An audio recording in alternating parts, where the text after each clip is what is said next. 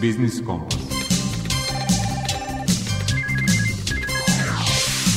Biznis Kompas.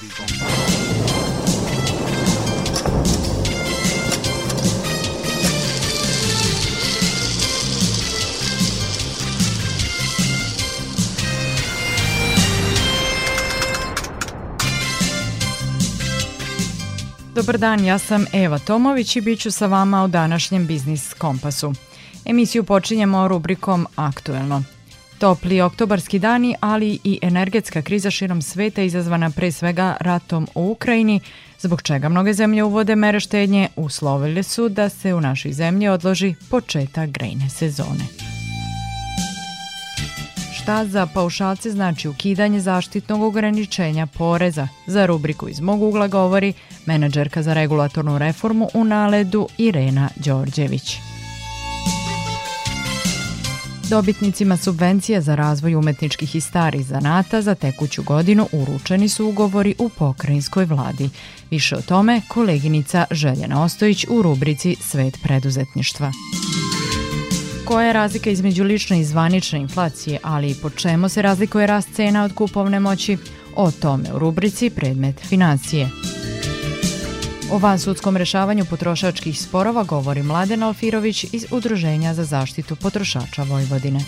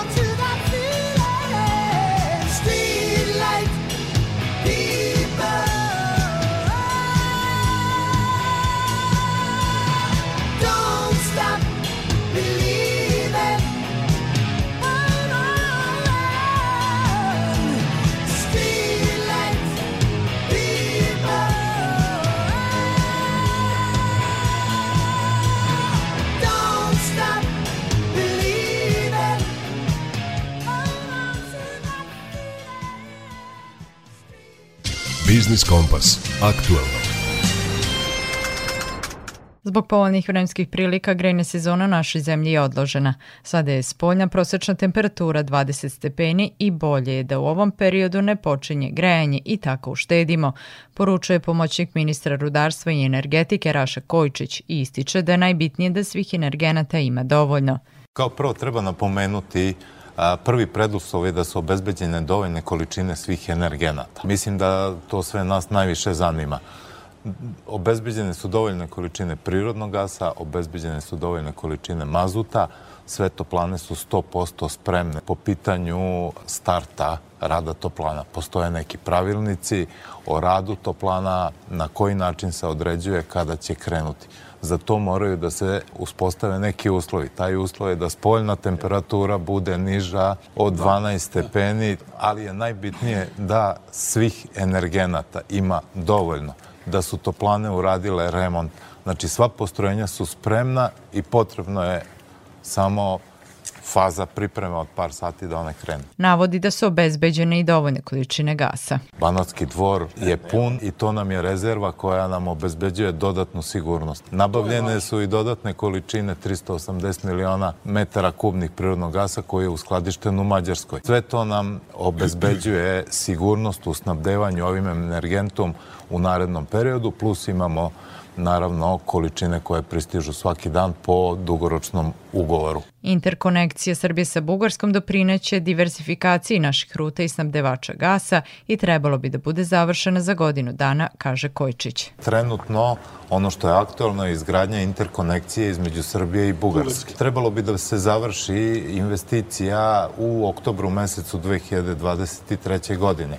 Nedavno je otvorena interkonekcija između Bugarske i Grčke koja omogućava povezivanje na južni gasni koridor. TAP i TANAP gasova. Kada bude završena naša interkonekcija sa Bugarskom, bit ćemo u mogućnosti da na tržište Republike Srbije dopremamo prirodni gas iz Kaspijskog regiona sa srednjeg istoka. Balkanski tok je nova ruta snabdevanja gde sad imamo jednu liniju snabdevanja, ali imamo dve pristupne tačke. Naše pristupne tačke su sad u Zaječaru i Horgoš. Izgradnjom interkonekcije Srbija-Bugarska imaćemo i još jednu rutu snabdevanja i još jednu tačku konekcije. Govoreći o električnoj energiji, Zorna Ilić iz Ministarstva rudarstva i energetike kaže da posle više meseci Srbija u oktobru nije uvozila struju. Ranije godine u tom periodu nismo uvozili u takvoj meri. Samo u prelaznim periodima kada je dobra hidrološka situacija. Dakle, to je uglavnom bio april, recimo.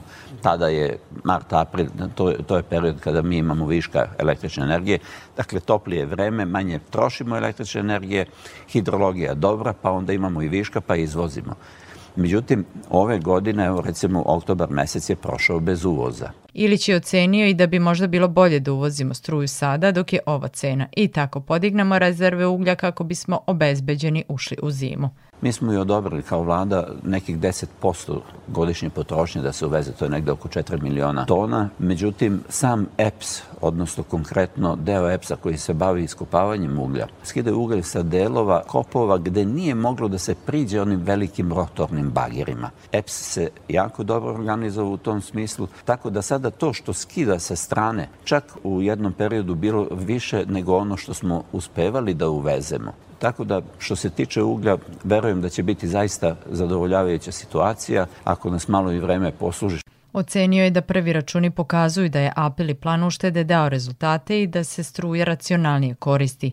Podsjetio je na postojeći tarifni sistem koji takođe može biti koristan da se smanje iznosi računa. Mi već imamo tarifni sistem koji ima zelenu, plavu, crvenu zonu, pa recimo kilovat sat struje u zelenoj zoni je čak tri puta jeftiniji nego kilovat sat u crvenoj zoni. Da vas podsjetim, te zone se kreću od 0 do 350 kilovat sati mesečne potrošnje. Vi ste u zelenoj zoni od 350 do 1600 ste u plavoj zoni, gde je nekih 50% skuplje, a onda u odnosu na plavu zonu, ako trošite više od 1600 kWh mesečno, u crvenoj ste zoni i u odnosu na zelenu je čak tri puta više. Povoljne vremenske prilike znače uštede kako u novcu, tako i energentima, a kada će radijatori biti topli zavisi od vremenskih prilika, odnosno odluka lokalnih samouprava. A kako su pojedine najavile, najkasnije 1. novembra.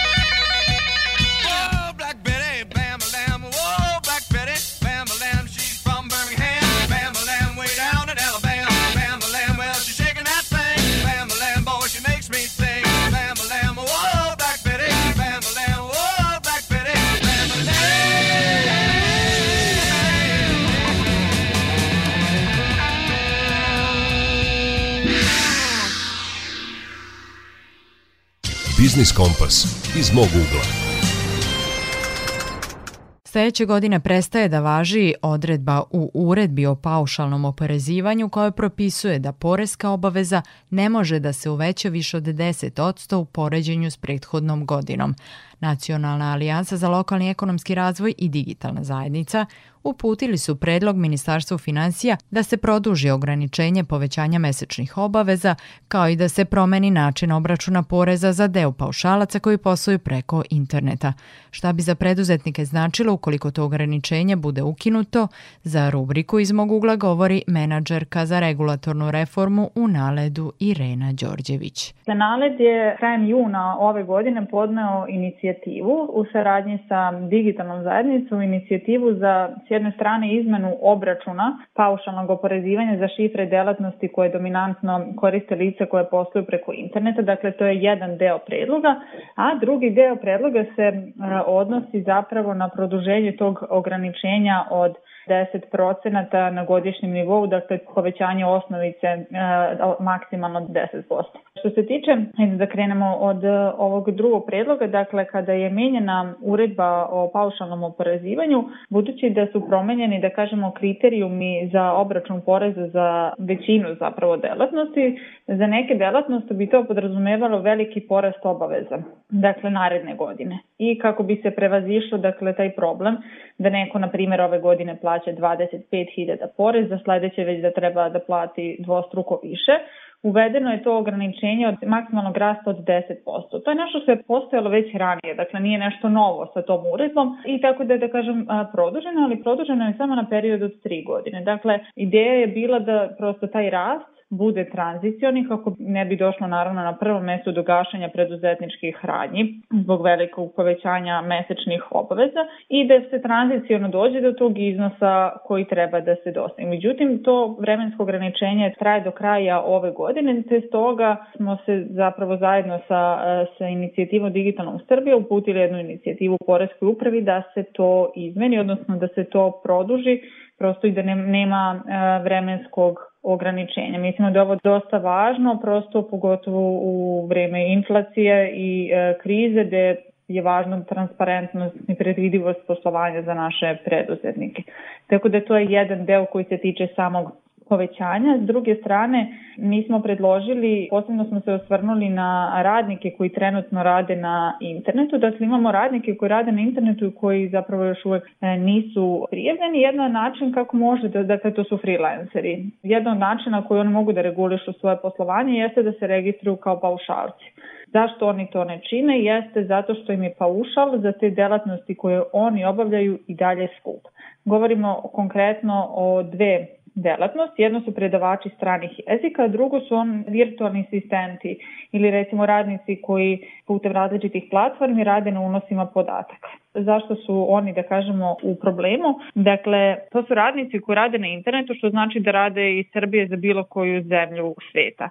Ove dve šifre delatnosti su takozvane lokacijski senzitivne. Znači da zavisno od toga gde registrujete svoju delatnost, razlikovaće se i iznos poreza i doprinosa koji ćete plaćati. Primer radi, ukoliko uzmemo predavača recimo stranog jezika u Beogradu, e, ako se registruje kao paušalac, on će morati da plati 53.000 dinara. Ali ako se registruje u Ali Bunaru, njegova obaveza je 20.000 dinara. I sad postoje različite analize koje su rađene da recimo neki prosek koliko mogu maksimalno da zarade zapravo predavači stranih jezika 80.000 dinara. Nijako imamo jednog predavača koji zaradi mesečno 80.000 dinara, on u Beogradu kao paušalac mora da plati čak 53.000 dinara. I to je razlog zašto je samo 1% svih tih radnika zapravo formalno i registrovan kao paušalac. Slično i sa virtualnim asistentima, dakle u Beogradu je ta porez za njih oko 42.000, dok u drugim gradovima nešto manje od 20.000 dinara. Tako da ideja da za ove dve delatnosti, dakle to su radnici koji dominantno rade na internetu, imamo da kažemo neka dva zahteva. Prvo je da ove dve šifre delatnosti se okarakterišu kao lokacijski nesenzitivne. Imamo već jednu grupu delatnosti koja spada ove nesenzitivne, to znači da bez obzira gde registrujete svoje poslovanje u Srbiji, da plaćate isti iznos poreza i doprinosa i drugo jeste da se smanji koeficijent. Dakle, trenutno je koeficijent e, za recimo predavače stranih jezika 3, što je dosta velik koeficijent, a imamo recimo neke slične delatnosti gde su niži koeficijenti, na primjer na nivou cele Srbije se plaća oko 30.000 dinara. Tako da to je da kažemo druga inicijativa koju smo mi podneli, dakle da za ove dve šifre delatnosti, za predavače stranih jezika i virtualne asistente se omogući dakle da se plaća isti iznos poreza i doprinosa na teritoriji cijele Srbije, budući da oni dominantno rade preko interneta i da se smanji taj koeficijent tako da zapravo iznos obaveza bude niži.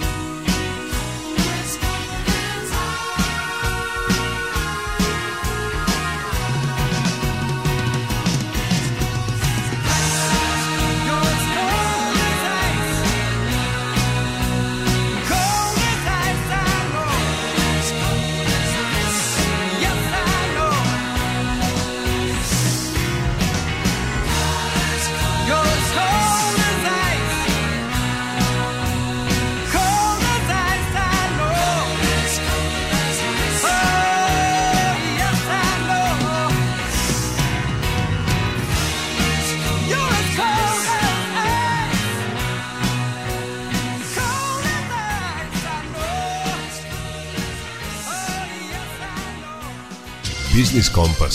Svet preduzetništva. Dobitnicima subvencije za razvoj umetničkih i starih zanata za tekuću godinu uručeni su ugovori u pokrajinskoj vladi. Pokrajinski sekretarijat za privredu i turizam izdvojio je 3 miliona dinara za subvencionisanje troškova nabavke opreme ili repromaterijala. Beleži Željana Ostojić. Među 16 korisnika subvencije i Kikiđanka Sandra Stanković koja će dobijeni novac iskoristiti za svoju ikonopisačku radionicu. Dobila sam sredstva za nabavku repromaterijala što mi je veoma značajno ne samo zato što je to jedna ogromna pomoć e, finansijska nego zbog toga što energiju koju bismo usmerili na nabavku materijala možemo da usmerimo i na neke druge stvari, pre svega na razvijanje naše kreativnosti i na možda pomeranje poslovanja u nekom drugom smislu. Sarač iz Rume, Zoran Pošarac, uložit će novac u šiveću mašinu koja mu je, kako kaže, preko potrebna. Trenutno ovu mašinu koju imam je 120 godina stara i nema više ni delova rezervnih, ni majstora koji to mogu da remontuju i poprave.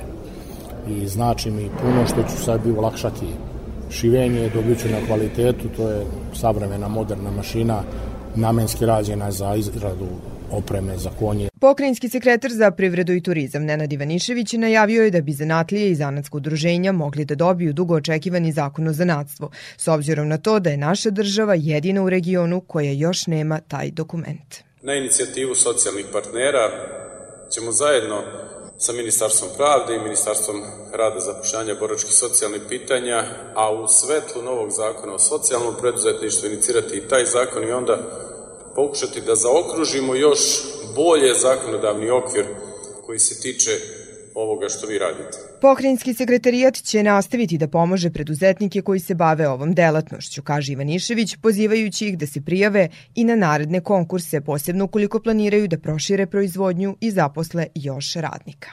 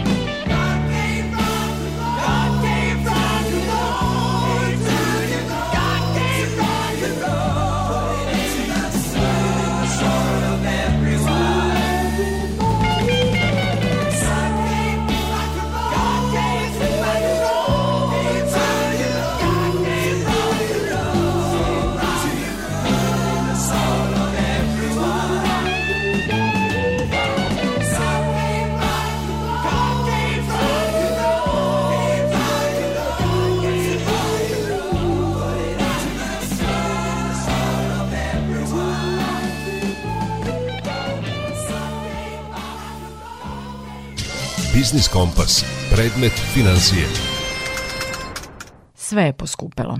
Rečenica koju u posljednje vreme prečesto čujemo ili je i sami izgovaramo. Ljude je daleko više pogodilo povećanje cena nego što to statistika koja se bavi prosekom pokazuje. U narednim minutima Miladin Mihajlović iz Narodne banke Srbije objašnjava razliku između lične i zvanične inflacije, ali i po čemu se razlikuje rast cena od kupovne moći. Indeks potrošačkih cena kojim se meri zvanična inflacija, obuhvata cenu korpe proizvoda i usluga koje odražava potrošnju prosečnog domaćinstva u datoj zemlji. Znamo da potrošačka korpa svakog domaćinstva, a razlikuje se od korpe koje se formira radi obračuna inflacije. ova druga korpa uprosečava kupovne navike svih domaćinstava u zemlji i na taj način odražava potrošnju prosečnog domaćinstva. Otuda je glavni razlog zbog koje nam se nekada čini da su cene porasle više ili manje nego što zvanični podatak o inflaciji pokazuje. Jer kao što rekao, potrošnja pojedinačnog domaćinstva razlikuje se od potrošnje prosečnog domaćinstva. Primera radi, prema zvaničnim podacima, međugodišnja inflacija u avgustu ove godine iznosila je 13,2%. To je poslednji ovoljeni podatak. Taj podatak se odnosi na prosječan rast cena svih proizvoda i usluga koji ulaze u obračun inflacije na teritoriji cele Republike Srbije. U okviru tog podatka svakako ima proizvoda i usluga čije cene su porasle i više od manje od tih 13,2. Dakle, subjektivni osjećaj inflacije može da bude i više od onog koji nam objavljuje zvanična statistika i on zavisi od raspoloživog dohodka, strukture i navike potrošnje svakog pojedinačnog potrošača. Svakako stoji ocena da ljudi sa nižim nivom dohodka, aktualnu inflaciju koja je vođena pre svega cenama hrane osjećaju više, jer je učešće hrane u njihovoj potrošnji značajnije. Jedan od uzroka razlike između zvanične i percipirane stope inflacije je način na koji opažamo promena cena. Istraživanje pokazuje da ljudi više primećuju poskupljenja nego pojeftinjenja. Takođe, verovatnije da ćemo zapamtiti promena cena onih proizvoda i usluga koje češće kupujemo, poput hleba i mleka, a razumljivo, njihovim poskupljenjima pridajemo i veći značaj, posebno ako poskupe više nego ostali proizvodi. Razlika između inflacije i kupovne moći jeste u tome što inflacija meri rast cena u određenom periodu, a kupovna moć pokazuje koliko dobara i usluga možemo kupiti za određenu svotu novca. Kako je veza između kretanja cene i kupovne moći? Što je rast cena viši, to manje proizvoda i usluga možemo kupiti za istu svotu novca. Pošto se cene izražavaju određene valuti, inflacija odražava i smanjenje kupovne moći novca. Glavni zadatak Narodne banke Srbije, kao i većine drugih centralnih banaka, jeste održavanje niske i stabilne inflacije, to je za zaštita kupovne moći domaće valute.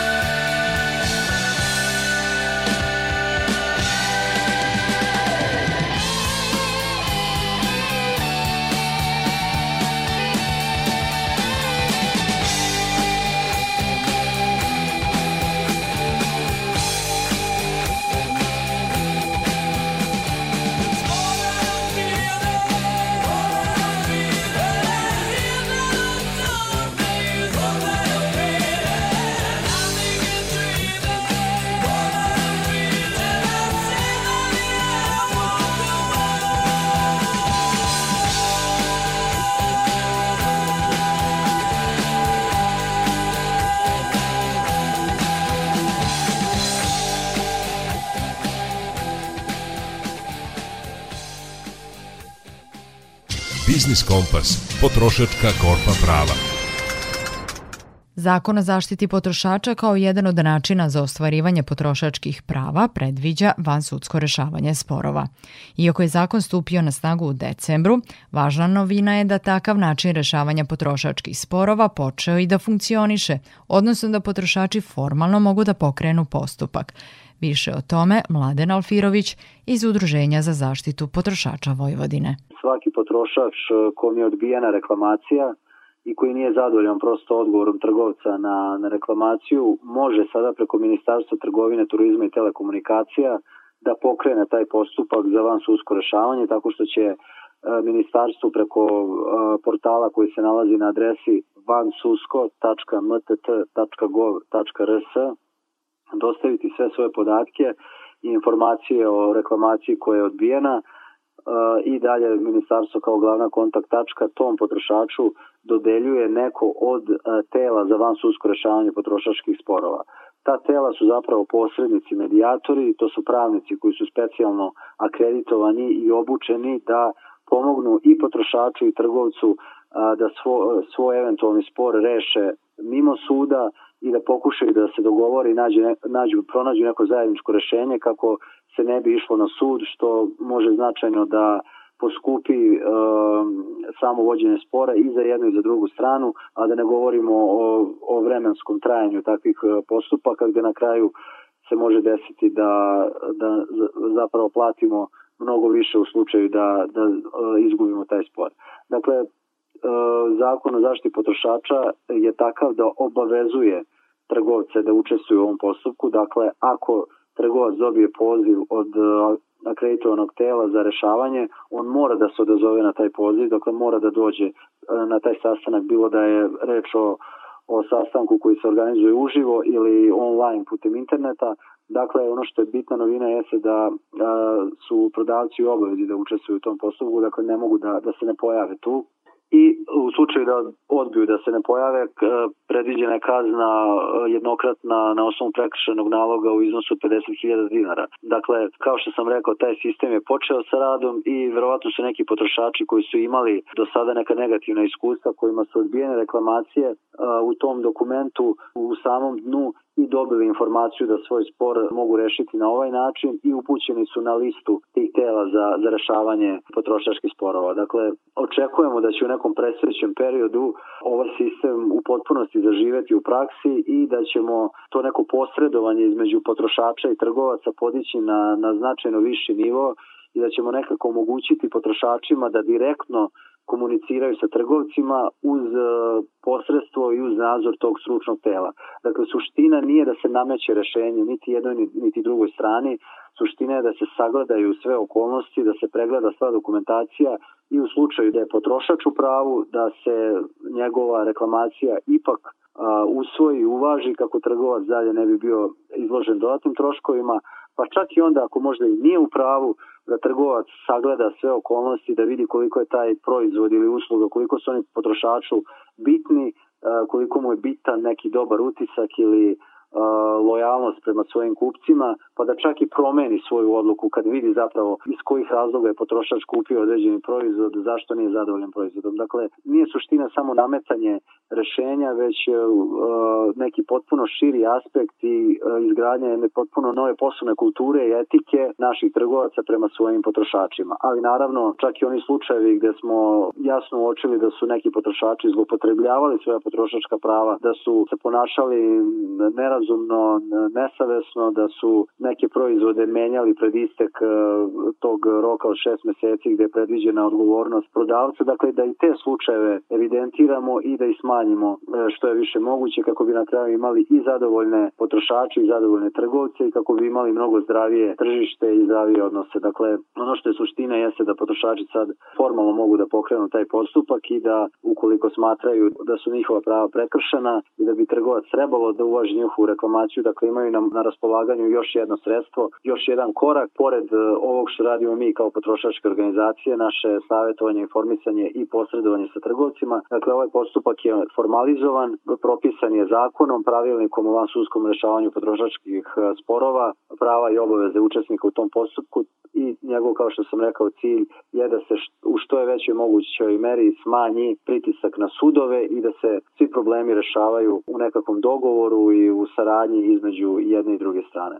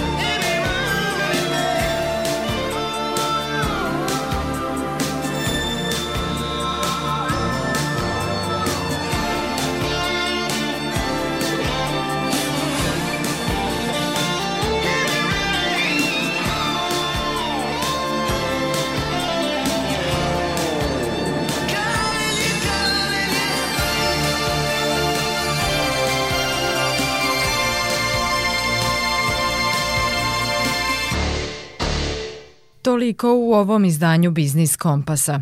Današnju kao i prethodne emisije možete poslušati na sajtu rtv.rs opcija odloženo slušanje. U realizaciji emisije učestvovali su muzički urednik Zoran Gajinov, ton majstor Damjan Šaš, lektorka Darka Velemir.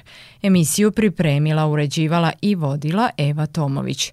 Slušajte nas i narednog utorka. Do tada pozdravlja vas ekipa Biznis Kompasa.